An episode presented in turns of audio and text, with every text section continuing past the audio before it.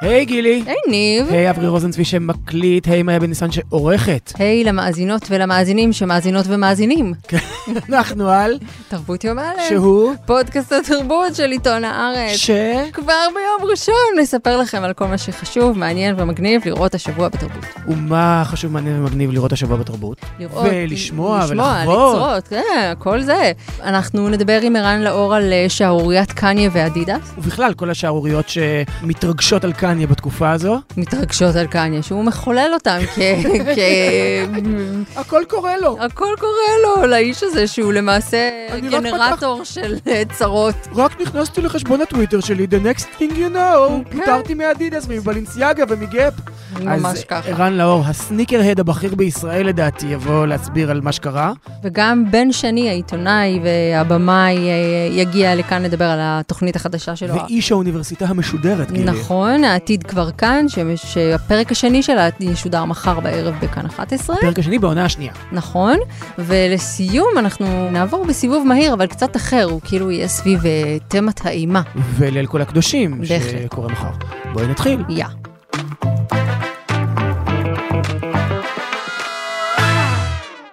את יודעת מה עוד קורה מחר, גילי, נכון? אני יודעת, אבל השאלה היא אם הם יודעים. מי, אה, המאזינות והמאזינים? כן, הם יודעים. יודעים, כולם יודעים שמחר עולה העונה השנייה של הלוטוס הלבן, שמאיזה מיני סדרה כזו אה, קטנה וסימפטית אה, לשעת קורונה. ש- זניחה כמעט. כן, ש-HBO לקחו כפילר, כן? כי לא היו להם הפקות, אז הם פנו למייק ווייט, שעשה את מוארת, ושאלו אותו, יש לך אולי משהו אה, זריז וקומפקטי שאפשר לצלם בשבועיים באזור מרוחק, בבידוד? והוא אמר, האמת שכן. ויש לי משהו בנוטס. כן. וזה פשוט היה להיט מטורף, אה, אחד הלהיטים הגדולים של HBO בתקופת הקורונה, ואי אפשר היה להשליך את זה לפח, אז אמרו, איך נהפוך מיני סדרה לסדרה? בואו נאמר שהלוטוס הלבן אינו ריזורט בוטיק, אלא בעצם רשת שלמה. רשת שלמה של ריזורטים, של מלונות יוקר- בוטיק. יוקרתיים מאוד אה, ברחבי להשלים, העולם, כן. ואחרי שביקרנו בסניף בהוואי, אנחנו מגיעים לסניף בסיציליה. סעי לסיציליה, מותק. ו... אוי, איזה שיר יפה. זה שיר מאוד יפה. וכפי שאת יודעת, גילי, גם אני נסעתי לסיציליה. מותק. בקיץ האחרון, והיה לי נורא כיף שם, אם כי לא הייתי באזורים של לוטוס הלבן, הייתי באזורים אחרים. אני יודעת, ואף קיללתי אותך חרש וגם לא חרש. כן, יו, אני אכלתי טוב. את יודעת שלפני שטסתי, אז ביקשתי ממבקר המסעדות של העיתון, אה, שגיא כהן, מבקר המסעדות של גלריה שישי, אם הוא יכול להמליץ לי על מסעדה בסיציליה, ואז הוא כתב לי, עוד לא הצלחתי לאכול רע בסיציליה, אתה תהיה בסדר. וצדק. אה, יופי, יופי. כן, אז מה קורה בלוטוס הלבן החדש? לא נסגיר, נכון? רק נאמר תראה, לנו יש את המיילים המשמחים האלה מ-HBO Screeners שאנחנו מקבלים, ואז אתה כזה מוחא כפיים לעצמך ואומר, יש, זה הפוך יש. מהנסיך הניגרי, נכון? שמקבלים את המייל הזה, זה יש, באמת שלום זכיתי. יקר. כן. יש כל כך מעט הטבות במקצוע הזה שלנו, גילי, שאם יש את העותקים המוקדמים בשבילנו לצפות בהם וקצת אה, להשרות פומו על הסביבה, למה שלא ננצל אותם? כן, אבל אנחנו אנשים טובים, ולכן אנחנו רק אה, מאוד. נספר בכלליות כדי לא להרוס, ואת הדיון האמיתי אנחנו ננהל עם אנשים אחרי שהם אה, ראו... כן, וחוו. שבוע הבא, אחרי שתראו את הפרק הראשון ותבינו מה הדמויות וזה, נוכל לקיים פה דיון שתהיו חלק ממנו. אבל כן אפשר לעשות טיזר, אתה יודע. כן. אפשר להגיד שיש דמות אחת שעוברת איתנו מהעונה הקודמת לעונה הזו, ודמות ה- אחת בלבד, הדמות. הדמות, והיא לא ארמנד. ארמנד הרי מת בסוף העונה הקודמת, אז uh, אנחנו לא מספיילרים, הוא מת. אז אותו מחליפה, יש לה טקט נהדר, והיא באה לדמות של אף מורי אברהם, ואומרת לו, You came from so far away, and you are so old. אז אני מהמר עליה בתור הדמות הכיפית של העונה. אתה יודע? מה החוסר טקט הזה מזכיר לי? קדימה. אתה זוכר, אה, אתה לא זוכר, את הפעם שחברתי סיגל עשתה מסאז' בהודו. אני לא הצטרפתי אליכן בפעם ההיא, אני לא יודע אם את זוכרת את זה. שהיא הלכה לעשות uh, מסאז' ושמה, עכשיו, מה שאתה עשית מקודם עם המבטא האיטלקי של הקונסיירג', אני לא יכולה לעשות uh, עם המעסה ההודי, אבל מי שרוצה לעשות לעצמו איטל- בכל, איטלקים זה לא אוכלוסייה מוחלשת, גילי. נגיד, נגיד, ובשעה שהוא נשף ורשף שם מאחוריה, היא סובבה ככה את הראש, למה הוא נשף ורשף? כאילו, מה הקטע? בעצבים. למה? אתה... ואז היא הסתכלה עליו במבט של מה רצונך, והוא אמר לה, too much butter, too much red meat, דמיינו את ה... אני דמיינתי שהכף רגל שלה היא כמו באטר. too much butter, אה, too fat. הבנתי. טוב, מכיוון שאני מכיר את uh, חברתך סיגל, אני יודע שההודי הזה יש לו בעיה בהבנת פרופורציה ושהוא מקשקש קשקושים. אתה צודק מאוד. I could say anti-Semitic things and Adidas can't drop me. Now what? Adidas saying in part today it, quote, does not tolerate anti Semitism and any other sort of hate speech. Ye's recent comments and actions have been unacceptable, hateful, and dangerous, and they violate the company's values. Foot Locker, the fashion house Balenciaga, the talent agency CAA, and Vogue's Anna Wintour are among those who have cut ties with him. But so far, Spotify and Apple Music have resisted calls to drop him from their music streaming platforms. לפי uh, כמות הכותרות וההסתבכויות שלו, אם רק קניה uh, ווסט היה uh, עומד בראשה של מפלגה בישראל ביום שלישי הקרוב, היו צפויות לו uh, תוצאות נהדרות, אני מניח, אבל זה לא המצב, הוא אמנם רץ לנשיאות mm-hmm. uh, בבחירות הקודמות בארצות הברית, ריצה שהלכה נהדר. אולי הוא היה צריך נעלי ספורט אחרות, הא כן, אבל מה שקורה עם קניה ווסט, מאז ציוץ האנטישמי שלו, והריאיון uh, שיותר מחצי ממנו צונזר בפוקס ניוז, תחשבי שפוקס ניוז... זה היה יותר מדי בשבילם. כן, מה שנאמר בריאיון היה כל כך אנטישמי, כל כך גזעני, כל כך בעייתי, שאמרו, אנחנו נצנזר. ועכשיו הוא גם נזרק מאדידס, נזרק מבלנסיאגה, נזרק מגאפ. הסוכנות השחקני ספורט שלו הייתה כזו, גם הולכת... הייתה קולקציה מתוכננת עם to go, הם חיסלו את החוזה כן. איתו. טבע נאות, אה, החליטו לומר לו לא. אז בסוכנות שחקני הספורט שלו אה, גם אנשים נוטשים אותה, וכדי... גורש ממשרדי תמנון בבושת פנים. הקולקציה החדשה שהוא רצה לעשות ל-TNT כדי לשקם את המותג. TNT! לא, לא תתאפר בסוף בסין, וכדי uh, לפרשן את כל הסיפור הזה, הזמנו את המומחה לענייני קניה ווסט. יש כמה מומחים בבניין הזה, אבל המומחה בחיבור בין קניה ווסט לאופנה הוא ערן לאור. מה המצב? ערן לאור. אתה יודע מה היה קורה אם בסוף הוא היה רץ פה בבחירות? בסוף היה נמצא את מי שאומר, אתם יודעים, אבל הוא אומר את הדברים כמו שהם. ממש ככה. אגב, טבע נאות וטוגו ותמנון, הוא נזרק ממשרדי סקצ'רס. כן, בסוף שזה... ה... לפני כמה זאת אומרת שזה המקבילה, המקבילה מלאת הנסורת של... ממש. אה, How low can you go? כן. כאילו... אבל תשמע, זו החלטה שהיא לא פשוטה, נכון? ל- ל- כאילו אומרים, אה, ברור, הם, uh, הוא רק אמר את זה, אז הם עושים את הדבר הנכון. לא, זה לא כזה פשוט להעיף את קניה ווסט מאדידס, זה, זה מותג שממש הולך. זה לא רק שזה הולך, כרגע התגובות סביב כל הפרשה נעות בין אה, זעזוע ובין אה, דחקה, ושניהם אה, מאוד לגיטימיים ומובנים, אבל נחזור רגע אחורה ל-2015. הוא כמה שנים לפני זה עזב את נייקי, גם הוא ייצב לנייקי סניקרס, והם סירבו לתת לו תמלוגים. והוא לקח את העסקים שלו וחתם עם אדידס ב-2013. הם כמובן כן הסכימו לתת לו את מה שהוא רוצה, לרבות uh, זכויות עיצוביות ו- וכסף וכל המשתמע מזה. אז צריך רגע עם כל הדחקה בדיעבד, ב-2015, כשהוא השיק את הקולקציה הראשונה, זה היה בפברואר, זה היה שבוע האופנה של ניו יורק, אה, זה היה מהפכני.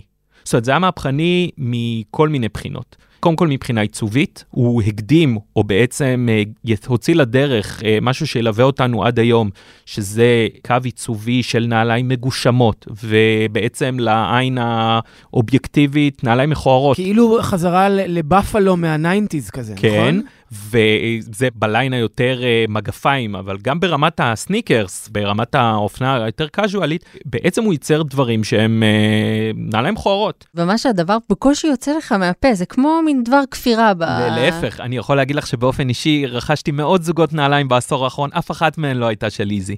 אני אישית לא מתחבר, אבל אני מצליח להבין את האפיל המאוד מאוד גדול, וזה היה מהפכני גם באופן שבו החיבור בין uh, עולמות של אופנה וספורט, הרבה פעמים שלח זרועות לעולמות של מוזיקה, והביסטי בויז uh, ב-80's ורן DMC, כאילו representורים של, של אדידס. אבל פה היה משהו גם חדשני ביכולת לקחת אומן, שהוא עושה גם uh, דברים מעבר, וממש לתת לו את המושכות ולהגיד לו, קח תחתנו חברת בת או line משני, להגיד לו, זה שלך ושלנו, ולייצר מזה משהו חדש, וזה משהו שרואים עד היום, כל ה, מה שבעגה המקצועית נקרא collabs, collaborations, של נייקי ואדידס וניו בלנס, פונים לכל מיני אומנים ומעצבים וחנויות בוטיק אה, ככה עצמאיות, ואומרים להם בואו תחברו אלינו ובואו נייצר איזה משהו חדש. כשזה קרה לפני שבע שנים, זה עשה מהפכה, זה קידם את אדידה, זה החזיר אותה לקדמת הבמה, גם אומנותית, תרבותית, עיצובית, וגם כמובן כלכלית, המניה שלה נסקה במאות אחוזים. אני רוצה שנייה מאז. לשים סוגריים ולהגיד שאמרנו פה דחקה, וזה זה לא בהכרח עניין לצחוק עליו, הבן אדם נמצא במאניה, הדיפרסיה לא מגיעה, כן? הוא במאניה כבר שנים, וההתבטאויות האנטישמיות שלו, אין טעם להקל בהן ראש. זה היה אה, אה, אנטישמי על מלא, וכמו שאמר אה, חבר פסיכולוג שלי, המאניה לא הוציאה החוצה את האנטישמיות, האנטישמיות זה משהו שהיה שם כבר לפני, המאניה פשוט גרמה לזה אה, להיות מבוטא בקול רם. בשנה האחרונה היו סימנים, זאת אומרת, כשזה עכשיו יצא ויצא רשמית, אז כמובן זה היה יותר אה, משמעותי ועורר עדים. אבל בוא נגיד לאנשים מהביזנס של הנעליים, או כחובבים, או ככאלה שמתפרנסים מקנות אה, כפכפים של קניה ב-300 ולמכור אותם ב-700 בפייסבוק לילדים, היה כבר סימנים מקדימים שזה בדרך. כלומר, אם פעם... נעליים או שאר הדגמים היו יוצאים אחת לכמה חודשים עם איזושהי הכנה מאוד מתוזמנת ואיזשהו, אה, נהייתה אינפלציה די משמעותית של עוד ועוד דגמים, מה שהרגיש כמו חיסול מדפים. עדיין יש להם להתמודד עם המון המון מלאי שכרגע עומד ומחכה, שיש לזה כמובן אה, השלכות אה, גם על אה, בעלי חנויות וגם על אדידס עצמה, אבל היה אפשר לראות שזה לא הולך להחזיק הרבה זמן מעמד. הדבר השני שקרה, וזה מה שעורר את חמתו של קניה, זה שאדידס התחילו בעצמם אה, לייצר אה, פריטים שמזכירים באופן מאוד מאוד דומה את העיצובים, בסוגריים הלא יפים, של הפריטים שהוא עצמו עכשיו, הוא, עיצב. הוא מעצב בעצמו, נכון? רואים בדוקו עליו, רואים אותו מבקר ב- בבית חרושת אה, של הנעליים, ו- וגם ב- בסטודיואים של העיצוב, רואים אותו ממש נותן הערות, זה צריך להיות ככה, הפס הזה צריך להיות פה יותר בהיר, פחות קק. הוא באמת היה על זה, הוא- נכון. הוא באמת ב- מעצב, זאת בגלל אומרת, זה זה לא שהוא... זה לא סתם שהוא שם את החותמת שלו על הנעל, הוא באמת היה מעורב בזה. לא רק שהוא נעל אותה כפרזנטור, הוא גם באמת עיצב אותה. יש פה עוד שני אלמנטים לאופורטוניזם של אה, אדידס בעובדה, ושל כל שאר המותגים שבעטו את קניה. קודם כל, הוא לא היחיד שאומר דברים אנטישמיים ומצייץ דברים אנטישמיים ונמצא בחזית התרבותית או הספורטיבית, אבל הוא כן היחיד שחוטף אה, את מהלומות הנגד בעוצמה הזו. נגיד בסוף השבוע האחרון, קיירי ארווינג, כדורסלן הברוקלין נץ, גם צייץ איזה משהו אנטישמי והיה מעורב באיזה עניין. שיחק אתמול כמו ענק, כן? אז- כן, אתה יכול להשוות? אה, מה זאת אומרת אני יכול להשוות? כן, הנה אני משווה. צריך להגיד עוד משהו. בשנים הראשונות של החיבור הזה בין קניה, איזי ואדידס, זה היה הצלחה מטורפת. זאת אומרת, כשאני אומר הצלחה מטורפת, זה כשעולה פריט חדש, צבע חדש לאחד מהזוגות שלו, תוך שניות זה סולד אאוט באינטרנט ותורים ומכות בחנויות הפיזיות. צריך לומר שבשנה פלוס האחרונות, האפיל של זה דעך באופן, זאת אומרת, גם הייתה אינפלציה של אה, המון צבעים חדשים והמון דגמים, וכמעט כל מי שרצה השיג, מה שהוביל למצב שבשנה האחרונה אפשר למצוא על מדפים אה, ובאתרי אינטרנט, יש מלאי, יש שחיקה, רואים את זה גם במה שנקרא בעולמות הריסל, המחירים ירדו, אה, אי אפשר כבר להרוויח על זה, אפשר למצוא את זה בסיילים לפעמים. העסק קצת מת, עוד הרבה לפני שאדידס הרגה אותו או הרגה את קניה. כן, וזו הייתה הזדמנות uh, די טובה בשביל לבעוט אותו החוצה, זה מה שאני מתכוון. לא שאני חלילה מקל ראש, באמת שלא, כאילו, ב- במה שהוא אמר, אה, זה לא העניין. אני רוצה אבל לשאול, כאילו קניה ווסט, הוא ידוע לשמצה זה שנים כמישהו שלא, כאילו לא... לא בקו הבריאות הנפשית. לא הוברג עד קנק, כאילו, יש שם... אה, נכון, אבל זה שירת את כולם, זאת אומרת, בסוף... אבל מה חדש? זאת אומרת, הוא היה בהתמוטטות מוחלטת כשהוא רץ לנשיאות, הוא היה בהתמוטטות מוחלטת כשהוא נפרד, הוא וקים קרדשן אה, נפרדו. הוא היה בהתמוטטות מוחלטת כבר הרבה מאוד שנים, אז כאילו, מה השתנה עכשיו? רק העליית מדרגה, רק עליית המדרגה האנטישמית הזו? הרי גם את זה ידענו עליו. כנראה שבאקלים הנוכחי יש צעד אחד אה, רחוק מדי שאתה הולך. כמעט שלא נותרה להם ברירה, זאת אומרת, הם שמרו אותו כל עוד הם יכלו אצלם, אבל ב- אני מסתכל על זה גם קצת אחרת. כבר לא היה נותר יותר מה לסחוט מהלימון הזה. הם מבחינתם ר- הבינו שמוטב להם ללא קניה מאשר עם קניה. הם כזה, גם אני יכול לעשות מכוער. לדעתי זו החלטה עסקית גרידא, אין פה שום מוסר, אין פה שום ניסיון להיות בקו אחד עם הצייטגייסט. השיגו מקניה את מה שאפשר היה להשיג ממנו, יאללה ביי. זה הסיפור. ולכן גם הקו פרשת המים הזה, אה, יש בו משהו קצת עגום כאילו. בוודאי. כי הוא מרגיש נורא אופורטוניסטים, כאילו חיכו לזה כדי שאפשר יהיה לפטר אותו. ולפי כמה הערכות או ידיעות שיצאו בימים האחרונים, אדידס עצמה שמרה לעצמה כפטנט את רוב העיצובים שלא. זאת אומרת, לה יש את הסמכות והרשות, היא לא יכולה לקרוא לזה ייזי, אבל היא יכולה להוציא את אותם דגמים. שאלה כמובן עכשיו, האם ילדי, נערי, בחורי אה, ובחורות כל העולם ירצו לקנות את אותם דגמים או דגמים דומים מאוד, זה לא טבול בהייפ שנקרא קניה ווסט. אני אסיים בסיפור. לפני כמה חודשים, בסרטון שעלה באיזה בוקר אחד והתפוצץ בבת אחת ברשת של אה, צעירים הולכים מכות בקניון רמת אביב, אה, על השקת אה, כפכפים של קניה ווסט. זה לא היה מאיזושהי חיבה גדולה למותג, כאמור, כמו שאמרתי, עולם הריסל הוא שיטה מאוד מאוד פופולרית היום להרוויח כסף, אז... באותה עת, בקניון רמת אביב, התקיים ביקור של אה, אה, יבואן, אחד מיבואני האופנה הגדולים בארץ, אירח אה, מותג מוכר של אה, הלבשת יוגה ופילאטיס, וניסו לשכנע אותם לבוא לפתוח פה חנות. ליוו אותם, אמרו, אנחנו רוצים לפתוח את החנות הראשונה בקניון אביב, וכל הדרך לקניון... מה, לולו למון כזה? אה, כזה, הלו יוגה. ו, הלו יוגה. אה, וכל הדרך לקניון, אה, סיפרו להם על ה... על ה אה, חיבה ישראלית לעולמות ה... כמה זה יתאים, ה-wellness וה-mindfulness וה-well-being, ונפתחות דלתות הקניון, והם רואים... אנשים כיסאות קטע פלסטיק. כתמי דם וילדים... זה הכי סצנה מהלוטוס הלבן, כן? זה הכי סצנה שקורית בלוטוס הלבן, אם להמשיך את השיחה שלנו מקודם, גילי. אז הם החליטו לא? אז לא, זה קרה בסוף, אבל זוהי מורשת קניה, שאיתה אנחנו נסיים. מקסים. המעבדה של פרופסור עמדי באוניברסיטת רייכמן בהרצליה נראית אחרת מכל מעבדה שביקרנו בה. כאן המחשבים, הסורק הגדול וחדר נוסף שנראה כמו אולפן, מחליפים את המבחנות והמיקרוסקופים. אמיר עמדי והחוקרים שעובדים איתו מחפשים כאן יחד תשובות לשאלה שמובילה אותו מאז שהתחיל את לימודיו. איך המוח שלנו נעזר בחושים השונים כדי להבין את העולם. ביום שני שעבר עלתה העונה השנייה של העתיד כבר כאן, העתיד כבר כאן צריך להגיד, בכאן 11. מנחה את התוכנית הזאת עונה טלוויזיה בן שני ואיש הרדיו, והוא נמצא כאן איתנו. בן, תודה שבאת, איזה כיף. תודה שהזמנתם אותי, שלום ניב, שלום גילי, תודה רבה. כל הזמן חשבתי, אם הדהדה לי בראש השאלה, האם התוכנית הזו היא המשך של האוניברסיטה המשודרת, לגמרי. שאתה מנחה כבר uh, כמה כן. שנים טובות, נכון? את המדען העירום בגלי צה"ל באוניברסיטה המשודרת התחלתי לשדר לפני, כן, כמה שנים, אבל מאז הקורונה הפסקנו, בגלל שזו הייתה תוכנית שהוקלטה בברים, וברגע ש...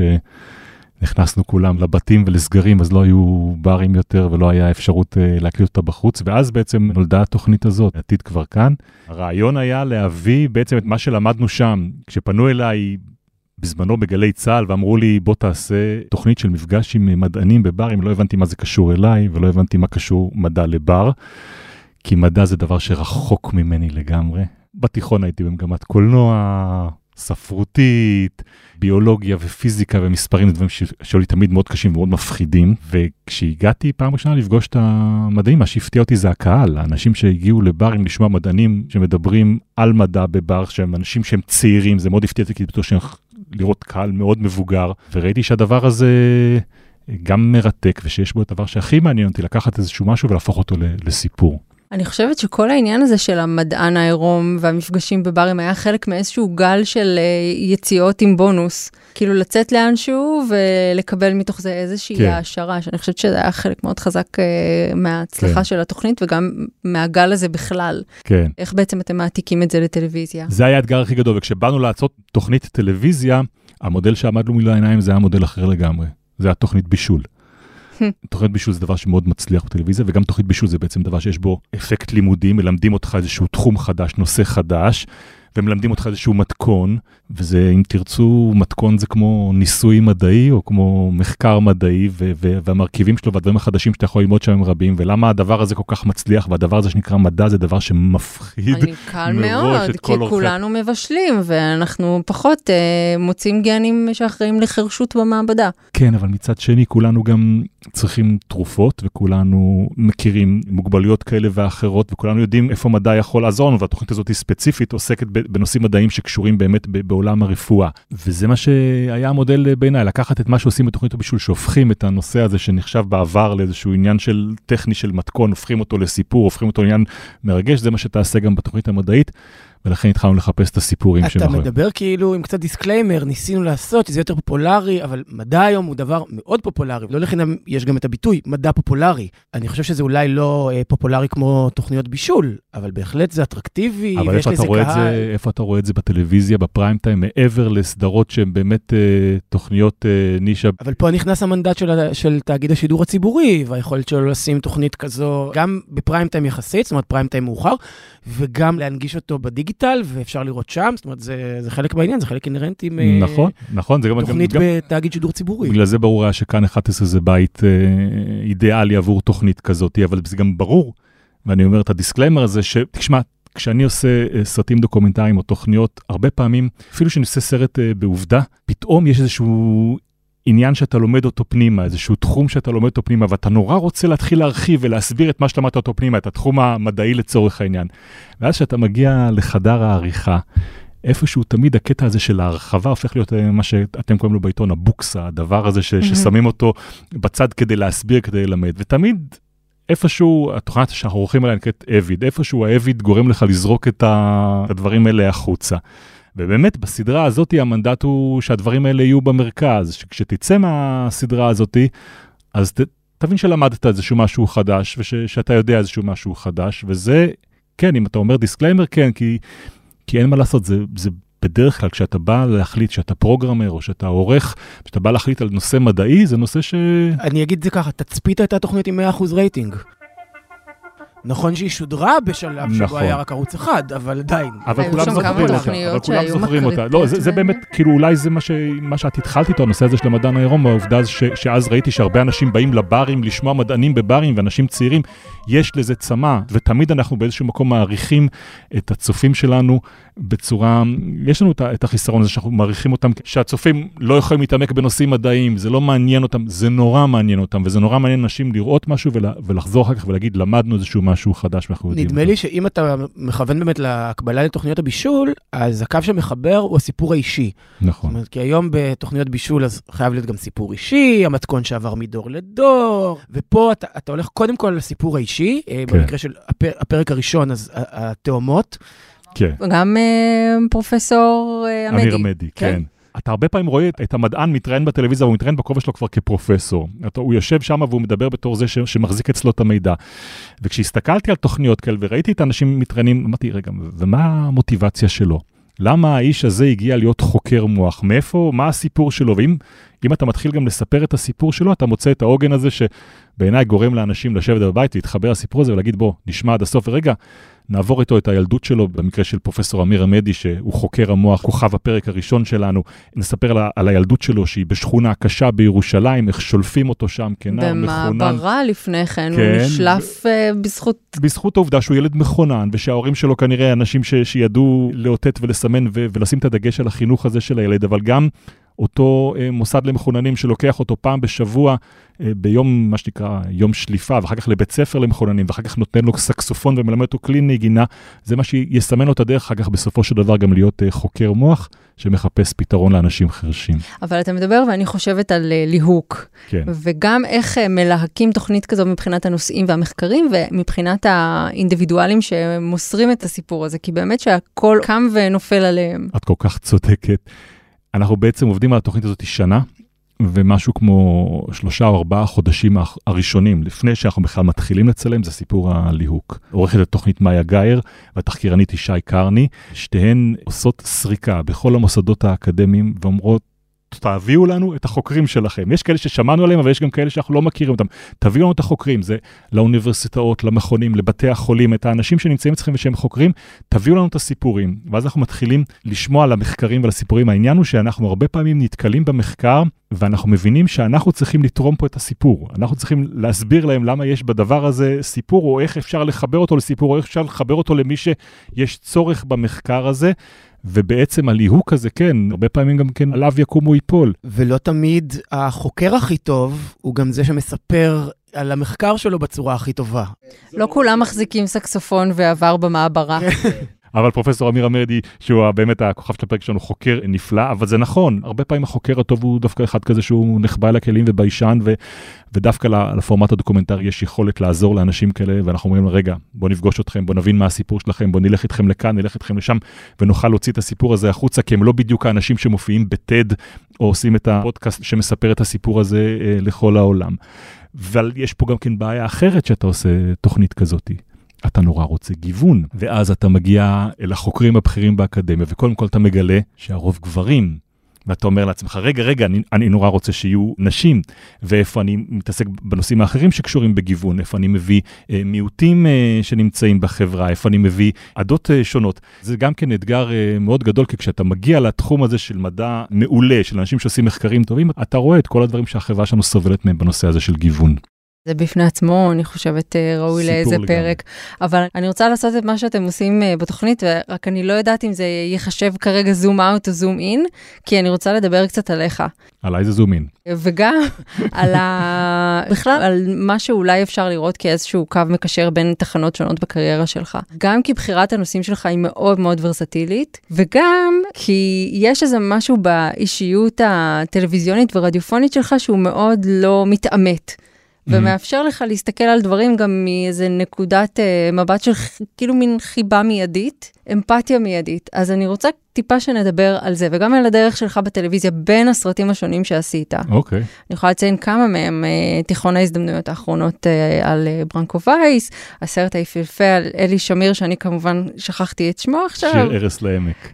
היפה כל כך, וההישגים שלך בעובדה, הרעיון עם רונה רמון, המכתבים של רון ארד, היו עוד. אם אני מתאמצת אה, למתוח קו בין כולם, הכל מין מסתמך על אישיות טלוויזיונית נעימה. באמת? כן, לא קונפליקטואלית, לא באת לריב. לא באתי לריב, זה בהחלט, אה, אני יכול להגיד שזה משהו ש, שכן, שמאפיין אותי, ואולי אפילו את יכולה להגיד שהוא אה, עומד באיזשהו מקום במתח מול העבודה שלכם כעיתונאים, זו ושלי השאלה כעיתונאי, הבאה, כן? שאני חושבת ששנינו מבשלים ב- ב- בבת קדימה, אחת במקביל. בעיניי יש קו מקביל שמחבר בין העבודות שלך, ואני באמת תוהה, ואני גם רואה אותך פה מולנו, מאיפה כל האופטימיות הזו? זאת אומרת, זה נראה שיש משהו מאוד חיובי גם בגישה וגם במסר. נגיד, אם נחזור שוב לפרק הראשון של העונה, יש בשורה לכבדי שמיעה. מהמם. יש בשורה גם לאנשים שמגיעים מכלום ויכולים להיות פתאום הכול. המערכת עובדת. כן. יש כן. איזה אמון במערכת. גם העניין הזה של מדע פופולרי, זאת אומרת, בכ- בכלל, העיסוק בזה, זה עיסוק שהוא הוא מלא תקווה, זה עיסוק שהוא אופטימי.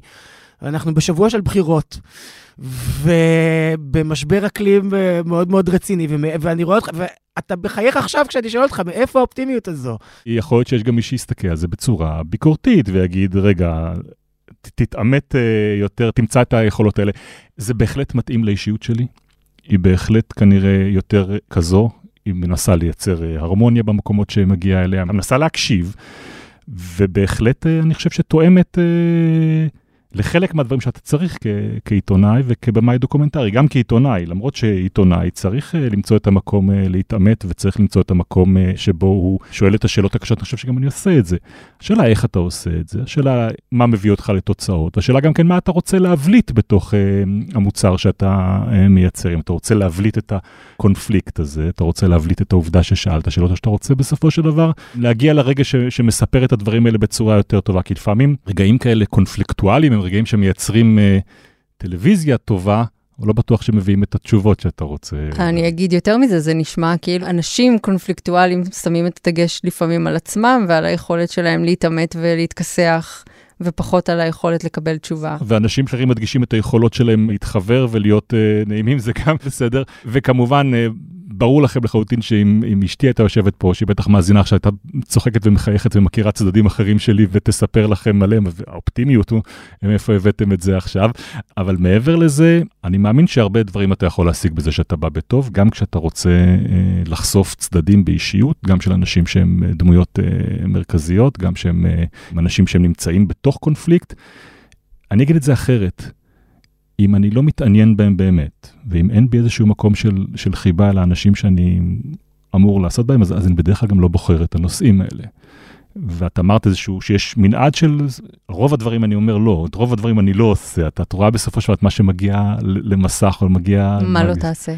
בדרך כלל אני לא מתעסק בנושאים שהם נושאים פליליים. קשה לי עם תחקירים שהם תחקירים שהם בענייני פלילים. יש דברים שלאורך השנים אמרתי שאני, שאני לא נוגע בהם, שאני לא עושה אותם. אני חושב שהמקום שבו אני לא מצליח להגיע לא, לאיזשהו חיבור, לאיזושהי כנות עם הבן אדם שנמצא אה, מולי, הוא פחות יעניין אותי, פחות, הדבר שיודע שהמסלול שאני יכול לעשות איתו, הוא לא מעניין. עכשיו, זה לא אומר שהאנשים האלה לא, לא מעניינים, או שהתחומים האלה לא מעניינים. פלילים זה תחומים שפותחים את החדשות, אבל יש אנשים שיודעים לעשות את זה יותר טוב ממני, אנשים שיודעים לעשות תחקירים עם, עם מצלמות נסתרות. קשה לי עם, אה, עם צילומים בסתר, זה, זה דבר שלי אישית, קשה לשבת עם מישהו ולהקליט אותו עכשיו. אני לא, לא אוהב את הדבר הזה, אבל נורא נורא חשוב לעבודה תחקירית, וחלק מהתחקירים החשובים שנעשו גם בתוכנית שבה אני עובד בעובדה, הם מגיעים בדרכים אה, האלה, מאוד מאוד חשובים. זה כנראה בסופו של דבר הדברים שבהם יותר נוח לי, ואין מה לעשות, אתה עושה טוב במקומות שנוח לך יותר. איזה פרק אתה הכי מחכה לו העונה? אני מאוד אה, אוהב את הפרק שפתחנו איתו את העונה, פרק באמת שעוסק בחרשות. יש לנו בהמשך כמה פרקים נהדרים, פרק אחד שעוסק באלצהיימר, עם חוקרת מרשימה מאוד. ממכון וייטמן, מיכל? מיכל שוורץ, פרופסור מיכל שוורץ, כן. סליחה. כן. חברה שלך? היא לא חברה שלי, היא אימא של חבר ילדות, וכל פעם שראיתי פרקים של העתיד כבר כאן, אמרתי, מעניין מה איתה. כי כשאני הייתי בת 15, 16, 17, היא הייתה בתחילתם של הגילויים הגדולים שהם עשו שם במעבדה, אני גם מחכה לפרק הזה. היא חוקרת מרשימה מאוד, באמת מצטיירת. אנחנו נעשה במשפט, שזה בן אדם, אישה שהצליחה לגדל עצב ראייה מחדש. אז הצליחה עכשיו. מה הבעיה? אה, טוב, מה צומח אצלי בעדניות. כן. בפרק שאנחנו מראים, אנחנו מראים איך היא מצליחה לרתום את uh, מערכת החיסון לטובת שיקום המוח ושיקום פגיעות uh, של עצבים במוח. נושא ש... היא חוקרת אותו כבר שנים, האופן של מערכת החיסון והאופן שבו היא מתבטאת במוח, נושא שבמשך שנים היא נחשבה בו לפורצת דרך ולמי שהולכת כנגד המוסכמה בעולם המדעי. עכשיו מתחילים לצטט ולהכיר ולהעריך מאוד את המחקר שהיא עשתה לאורך שנים, והניסוי הקליני בתרופה שפותחה על סמך המחקר שלה מתחיל עכשיו גם בישראל, גם באמסטרדם, גם בלונדון. ואם הוא יצליח, זה באמת uh, פריצת דרך גדולה למגפה אולי הכי גדולה שאנחנו מכירים כאן סביבנו, כל אחד מכיר סביבנו, אני חושב, את, הנושא הזה של אלצהיימר. אני חושדת שפעמים ביום אני אומרת לעצמי, או שעברתי איזה שבת, או... אז זה, אני... זה כל, כל העונה הזאת, כשאתה מתעסק ברפואה, כל הזמן אתה מגלה בעצמך סימפטומים, אם אלצהיימר זה אחד מהם, שגם עברתי תוך כדי הצילומים של הפרק הזה גם כן איזשהו מבדק אלצהיימר קטן, שזה היה... כבר בגילי זה היה מפחיד ל- ללכת ולעשות אותו, אני חייב להודות. והדבר השני זה הפרק שעוסק בהתקפי לב. החולה שמלווה אותנו בפרק הזה, הוא לא חולה, הוא אדם שהחלים מהתקף לב, הוא במאי הקולנוע גור בנטוויץ. מכירים? בטח. שעשה גם את הסרט שלו בעקבות uh, התקף uh, הלב ש... שעבר, קצפת ודובדבנים. אז אנחנו הולכים איתו, גם מספרים את הסיפור שלו על התקף הלב שהוא עבר, אבל גם הולכים לפגוש את החוקרים שמחפשים דרכים לשקם לב אחרי ההתקף. והאמת שכשהסתכלתי עליו, אז הסתכלתי קצת גם כן על, ה, על המקצוע הדומה שלנו ועל הסיכונים וה, והפחד הזה שיש לך כשאתה עובר את גיל 50, או בכלל, שאתה שמתחיל לשמוע סיפורים אה, בסביבה, ש, שהדבר הזה שנקרא התקפי לב הוא, הוא בהחלט מאיים ואתה לא יודע מאיפה הוא יבוא, והוא מטריד ו, ומעיק. אז אם אתם שואלים מה, איך, הפנים שלכם התקרקמו מאופטימיות? לא, לא נפלת על אוזניים ערלות, לא, לא. לא. אז אני אגיד לך שבכל פרק כזה, בסופו של דבר, אנחנו באמת מראים מחקר שמראה שיש איזשהו מה, שיש אולי איזשהו סיכוי לפריצת דרך, לבעיות ולמחלות ש, שבעבר נחשבו לכאלה שאי אפשר לרפא אותן. תוכנית מעולה להיפוכונדרים uh, שמעוניינים לצאת להם. אופטימיים uh, בסופו של דבר. היפוכונדרים בגמילה. כן. בן שני, תודה שבאת. תודה גילי, תודה. ובהצלחה. אני... רק נגיד, העתיד כבר כאן, ימי שני ב-10 בכאן 11. ובערוץ כן. ה... בערוץ היוטיוב שלנו. ביוטיוב תמיד אפשר לראות את כל הפרקים. Picture your mind as a cabinet. where you lock up your darkest thoughts and deepest fears. What would happen if you opened that cabinet for the world to see? We are about to find out. אתה יודע איזה עונה זו בשנה? העונה של האימה, העונה של של- כל הקדושים. נכון. אה, הלווין, הלווין. חלבין, ה- הדאודורנט אה, ללא הדאודורנט, נכון? יש כזה? כן, כן, יש דבר כזה. לא משתמש, אני משתמש רק בדברים מסרטנים. אני אוהבת שיש מתקפה, משהו עם אלומיניום יש לכם? כמה אחוזים? אפשר אחוז יותר גבוה של אלומיניום בפנים? עוד, עוד, כן. עוד. אז כזה. אנחנו חיים בקיץ הישראלי שלא אנחנו נגמר. אשכנזים ונהנים. כן. ובכן, הלואוין. הלואוין. כן. אוקיי. אז אז, זה קורה מחר. ויושב על מסורות ארוכות שנים של אימה שמתלווה לחג הנחמד הזה. למשל, פרקי ההלואוין של הסימפסונס, שתמיד משודרים, ואז לפר... כאילו גם הרבה העתיקו אותם, נכון? נהייתה כזו מסורת בטלוויזיה האמריקאית, שאם אתה, שיש פרק הלואוין, אז הוא פרק, מה שנקרא בוטל אפיסוד, הוא מנ- מנותק אה, משאר הסדרה, והוא מוקדש כולו לחג הזה, ושזה חג, אף פעם לא באמת הבנתי אותו, נראה לי כמו גרסה איכשהו ממזרית כזאתי לפורים. זה פורים פוגש את אה, חג המוות, אה, חג המתים במקסיקו, מקסיקו, כן. נכון? זה אה, כזה המצאה משותפת. והחיבה שלי להלואוין היא לא בגלל סרטי אימה, היא בגלל דוני דרקו, ברור. שהוא אה, אה, סרט כה מעולה אה, ומתרחש בהלואוין. של, כן, ממש ממש סרט מעולה. מי שלא ראה, אם יש כאלה, לכו לראות, זה המלצה מספר אחד. כן. מי שלא הקשיב לתקליט אה, ריבולבר של הביטלס, אנחנו ממליצים עליו גם. מה נראה לך, גילי? מה נראה לך? ש-21 לך שנה. אחרי דוני דרקו לא ראו אותו? יכול להיות שלא, יכול להיות שיש מישהו. אבל אם לא ראיתם... אז לכו לראות. אז לכו לראות הגרסה המקורית, לא את גרסת הבמאי, שהיא מקושקשת לגמרי. היא כאילו סרט אחר, האמיני לי. כל כך אהבתי את הסרט שקנו לי מתנה ליום הולדת את גרסת הבמאי, ואז ראיתי את גרסת הבמאי, אמרתי, זה הרבה פחות טוב. נגיד, איך את יודעת שזה פחות טוב? השיר שפותח זה לא Killing Moon של Echo and the Bunnymen, אלא never tear us apart של INXS. שהוא שיר טוב, אבל איך אפשר להשוות? אה, אני, בעיקר אה, בא לי לראות את זה שוב עכשיו, אבל אה, תשמע, יש עניין שלם סביב אימה. והתזמון שלה. והתזמון שלה. ותמיד אני תוהה אם המבול הזה של סרטי אימה שמגיע סביב אה, הלואוין, באמת הוא נעוץ בסיבות אה, שיווקיות וזה שיש מה זה מבול? את מסתכלת על כל רשימת שוברי הקופות בארצות הברית, וזה כבר חודש ומשהו רק סרטי אימה. וגם בטלוויזיה עולים המון המון כותרים של אימה. נכון, אנחנו עוד שנייה ניתן בהם סימנים וכמה המלצות, או שאימה היא פשוט אמצעי לתקף חוויות מעוררות בעתה, באופן שמשקף את הטלטלה שהן מעבירות אותך. נגיד אתמול בלילה בסוהו, אה, של אדגר רייט, שהוא סרט אימה שמתקף את ה... ומתקל ענייני אה, אה, פגיעה מינית באמצעות אימה. זה פשוט שוב ושוב שולח אותי להסבר גאוני בעיניי, שנתנה מרואיינת אה, שראיינתי לפני אה, משהו כמו חודשיים, מרית בן ישראל, סופרת ישראלית, שחתומה על טרילוגיה שנקראת אה, בנות הדרקון. והיא התחילה לכתוב את הספר הזה מתוך איזושהי חוויה של אה, התעללות או התעמרות אה, קשה שהיא עברה מידי אדם קרוב, והיא אמרה לי, לא ידעתי איך, איך לבטא את זה. זאת אומרת, יכולתי להגיד, אה, במשך שנה התייחסו אליי ממש נורא. אה, או התעמרו בי ואמרו לי דברים אה, איומים, הורידו אותי והשפילו והעליבו אותי. אבל זה הרגיש כאילו במשך שנה הייתי משרתת של דרקון. ככה זה הרגיש, זה הרגיש הרבה יותר אה, נאמן למציאות להגיד הייתי משרתת של דרקון, מאשר להגיד התייחסו אליי מגעיל. ונגיד גם Get Out זה אותו דבר, זה לקחת את החוויה השחורה, חוויית הזהות השחורה, ולנטוע אותה בתוך זירה של אימה, אה, סרט של ג'ורדן פיל. אז זה קורה עכשיו הרבה, ובכלל, את יודעת, הייתה תקופה שקצת נרתעתי מה... מה שנקרא ה-New Horror. האימה הזאת שהיא לא רק לעשות בו, אלא שיש בה משהו יותר עמוק, אה, וגם הרבה יותר מפחיד במובן מסוים. ואז, ברגע שנכנסתי לזה, פתאום שמתי לב שאני שמתי לב, כן? זה עניין שהמון המון מהיוצרים הכי מסקרנים שפועלים עכשיו בקולנוע האמריקאי, אימה זה, ה- זה הבסיס שלהם. זה אם- הכלי, כן. כן, אבל נגיד גם ג'יימס גן וגם אה, ארי אסטר שעשה את אה, אה, תורשתי ואת ו- ו... מידסומר, וג'ורדן פיל, שאנחנו כן. עוד שנייה נדבר עליו. ורוברט אגרס שעשה עשה את אה, אה, The Northman אה, לא מזמן, ולפני זה עשה את אה, אה, The Witch, וכאילו, ואת, ואת המגדלור. זאת אומרת, המון יוצרים שעושים את הדברים הכי נועזים, ו... ו אה, אה, אה, ניס, לא, רוצה להגיד ניסיוניים, אבל שבאמת לוקחים את הקולנוע אה, אה, לקצה הכי עכשווי שלו. אימה זה הבסיס שלהם. אז אני באמת חושבת שהאימה היא אינסטרומנט או איזושהי טכניקה או דרך אה, מסירה שלפעמים משרתת אה, רגשות אנושיים מאוד מאוד אה, אה, קיצוניים, והדרך היחידה שלך להעביר אותם בצורה נאמנה למסך היא פשוט להפוך אותם לסיוט שהם.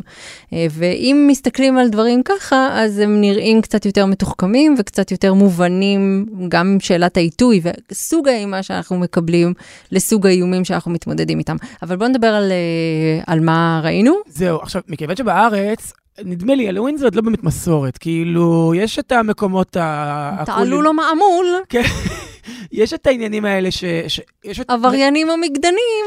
אני רציתי להגיד שיש מקומות בילוי שתולים קצת, יודעת, קורי עכביש ומסכות וזה, ו- ו- וזה כאילו נחמד, אבל זה לא נהייתה פה מסורת כמו שנגיד ערב השנה החדשה, המכונה בארץ סילבסטר, תפס פה אה, עניין, ואפילו גם נגיד כבר חג המולד, אה, יש כל מיני מקומות שלא בקטע דתי, פשוט מקשטים כזה עניין. תראה, בארץ אם זה לא מגיע עם אה, יום חופש לפני, חופש ביום וזה, ואיסרו חג אחר כך, אז זה לא, ונראה לי שכולנו פשוט מדממים כרגע עוד אחרי החגים, אז אי אפשר במר חשוון, החודש הנחמד והנעים ביותר כן, בשנה. אל, אל תפריעו למר חשוון. לא, מר חשוון צריך לעשות את שלו. אז אולי נתחיל ממה שבעיניי הוא היפה והמעניין ביותר. אני אומרת יפה כי זו חוויה ויזואלית. ואני מדברת על Wendell and Wild, אני מחייכת כי לקח לי עשר פעמים להגיד את זה, זה כאילו שרה שרה. ואני בראש חושב על אה, שיר השכונה, ותראו את זה, ונדל לא מכניס אפילו פנדל. אוקיי, שזה סרט שהוא שיתוף פעולה של הנרי סליק שעשה את ה... אה, סיוט שלפני חג המולד, נכון. וג'יימס והאפרסק הענקי. נכון. ו- הוא מומחה בקטע stop motion כזה. כן, ותמיד היא טיפה מלחיצה, נכון? כן, כי שיתף פעולה עם טים ברטון, שהוא נורא מוזר. ומלחיץ גם. נכון, אני אוהב דברים אפלים, אני טים ברטון, יש לי שיער מוזר. וג'ורדן פיל מתברח. כן. ואנחנו מקבלים סיפור אימה שחור על קאט היתומה, שמשהו אפל קורה סביבה, וכל מי שמתקרב אליה, ככה נדמה, כן. אה, קוראים לו דברים איומים, לרבות היא שהתייתמה מהוריה, זה הולך ומסתבך משם. אבל זה, זה מאוד יפה, ואני חושב שגם אפשר לראות את זה עם ילדים, נכון? ילדים אומרת- קצת יותר גדולים, כן, כן. אולי מגיל 10-11 כזה. כן, 10-11, לא אה, פעוטים. לא. אבל כן יש משהו נורא יפה ו... ו... לא רוצה להגיד מהפנט, אבל משהו שמושך אותך למסך באנימציה של הנרי סליק, זה כל כך יפה. נכון. אה, לכן חשבתי על ילדים. עוד משהו שקורה בנטפליקס, זו האנתולוגיית אה, סיוטים של גיירמו דל טורו. כן, שהוא כאילו מגיח בהתחלה ומין מגיש אותה, והוא... כן, כמו המופע של אלפרד היצ'קוק כזה. כן, והוא גם כמו במופע של אלפרד היצ'קוק, הוא מין יצור שעומד בסתירה מוחלטת לתכנים שהוא מייצר, ועצם העובדה שהוא נראה כמו דוד טוב. כן. אה, אתה מ- ומצד שני, במאי אימה אה, מאוד מאוד גרפית. אני חושבת שבאמת הסצנה הכי מפחידה שראיתי בקולנוע בעשורים האחרונים הייתה במבוך של פן, אתה זוכר שהיא זה אוכלת סרט את, ה, מעולה. את הענבים ומאירה את השד? בעיניי זה סרטו הטוב ביותר, יותר טוב אפילו מצורת המים שעליו הוא קיבל אוסקר. אני גם חושבת. אז אה, זו אנתולוגיה, כל פרק אה, נוצר בידי אה, במאי אחר. כמעט כולם לטינים גם. כן, אני ראיתי את הפרק הראשון שהוא הוא מבטיח מלא ומקיים מעט. את כן? את כן. חושבת? אני דווקא חושבת חיבבתי. מאוד. לא, חיבבתי מאוד עד העובדה שהוא פשוט נגמר. ואז מה? ויש שם כל מיני דברים שנשארים לא משומשים. זאת אומרת, פתחת את הדלת, תעבור בה, אל תפתח דלת ותגיד לי, שומעת, חרטתי. אבל אולי הדלת שלו נפתחת זה המפתח, גילי. ברור שהדלת שלו נפתחה היא המפתח, למה הוא לא פתח? כן, טוב, בואי אה, אה, לא, לא נספיילר יותר מדי. בעיניי זה אחלה, זה הזכיר לי, זאת אומרת, מה זה אחלה? קודם כל, זה לא נורא מפחיד, לא. נכון? זה יותר כזה סיפורי מסתורין. זה סיפורי, זה, זה מין, אה, אתה יושב באי נוחות ומחכה שה... כן, וגם הכוכב של, עליך. של הסרט הראשון, טים בלייק נלסון, אני מת עליו מהסרטים של האחים כהן, והוא גם אה, במאי בזכות עצמו, הוא אדיר. לי זה הזכיר בעיקר את אה, סיפורים לשעת לילה מאוחרת של מיקי באגן, את זוכרת את אה, סדרת המופת הישראלית הזו? איך אפשר לשכוח שהונצחה אחר כך בפרק אה, האימה של אה, זהו זה? זהו. אני כולי אוזן, אני זה- לא שומעת. אז זה בדיוק העניין, הפרק עם העגיל, עם האיש ששמה עגיל על האוזן שלה, היא קונה עגיל מצועניה. יש כל כך הרבה צועניות שמסתובבות שם בישראל, כן. בטח. בכל מיני שווקים, שוק רמלוד, יש מלא צועניות. שוק תלפיות. בדיוק ככה. והיא קונה ממנה את את העגיל, ואני לא אני לא זוכר, היא לא משלמת לה, או שהיא לא משלמת לה את הסכום, או שהיא לא קונה את העגיל השני, ואז מטילה עליה הצועניה קללה, והאוזן שלה גדלה וגדלה וגדלה וגדלה, עד שנהיית משהו ענק כזה, ואז היא אני. חושבת שראיתי את האישה הזו באוטובוס היום. ואז היא מחפשת את, הצ... את הצועניה הזו, מוצאת אותה, כאילו קונה את העגיל השני, או מסתירה את הקללה, ואז היא שמה לה את זה על האף, וככה זה נגמר. טן טן טן. והיה עוד פרק עם נתן זהבי שמחפש אה, אה, אה, אה, כבד חדש לעצמו. קיצור, סיפורים לשעת לילה מאוחרת, אבל של גיירמו דל טורו. עוד סדרת אימה עלתה באמזון, היא נקראת שעת השטן, The Devil's Hour. מה קורה למישהי שמתעוררת מינקות בשעה כל לילה 3.33, שזה כידוע חצי מ-666. Hmm, אה, אני אומרת לה, קחי בונדרומין מניסיון אישי. כן, אבל אז מה קורה כשלילה אחד היא מתעוררת ופתאום היא רואה מעליה את הבן שלה? קריפינג כזה? כל בוקר בשבת, כאילו. מאמי. זאת אומרת, אותך זה מפחיד, אבל מסיבות אחרות לגמרי. ברור. על שעת השטן, אני על יודע, הקיימה. תראי, התחלנו לראות איזו סדרה בריטית. כאילו, זה מתנהל אחרת לגמרי, זה מתנהל בטריטוריות אה, אה, הרבה יותר קוליות, במובן הזה שאין כל שנייה, כאילו, פותחים דלת וזה כזה, טה! כאילו, אין את הדבר הזה, אבל זה כן מפחיד אולי במובן יותר עמוק, זאת אומרת, בוא'נה, הילד הזה, הוא, הוא ממש מלחיץ, הילד השטני הזה. אתה פגשת את הבן שלי פעם? אולי תראי, אולי תראי את הסדרה הזו. וזה יהיה, אני באה, אמא די. זה כמו קבוצת תמיכה. יואו, את יודעת, את כל הזמן מדברת על, אה, את אומרת על הבן, בדיוק עלתה כתבה דווקא די מעניינת בניו יורק טיימס, על איך אה, בדיחות אבא הפכו להיות כאילו ה- הבדיחות של הסטנדאפ, והדוגמה הכי טובה זה ניק רול, שהוא עכשיו הורה, ואז זה הזכיר לי שיש גם עונה חדשה של ביג מאוף, איך אני איתך? וואו. כן, זה ההמלצה האחרונה זה לסיבוב גם סוג המהיר. של עם נכון? ההתבגרות מינית. אז זהו, ביג מאוף כאילו בעונה הזו, אין יותר סיפורי מסגרת, זה הכל רק בדיחות אה, אה, סקס, כאילו די. הם ויתרו על עלילה, הכל בדיחות פשוט של אה, אה, זיונים אה, גיל התבגרות וזה, יאללה, אני חושב שמיציתי את הסדרה הזו. זה פעם תשיעית נראה לי שאני אומר את זה כן, מתוך שש. שונות. Mhm. והניב, אם אתה ממצה וממצה וממצה, מדוע אתה ממשיך לראות? ולמה אתה מדבר על עצמך בגוף שלישי? מה, אתה אלון מזרחי? אף אחד לא יודע, אף אחד לא יודע. יש פה מקרה, צריך אה, אולי מדען שינתק. פעם חיים ברעם, אה, אחיו של עוזי, שהיה פרשן כדורגל, אמר, אני לא סומך על אנשים שמדברים בגוף שלישי, זה מעיד על אישיות דלה. אז אה, יופי, דיברתי על עצמי עכשיו בגוף שלישי. איזה כיף, גילי. אתה יכול להמשיך לדבר. לא, אני לא רוצה. אני רוצה שנסיים עכשיו את הפרק. אז יאללה. יאללה, נלך לאכול.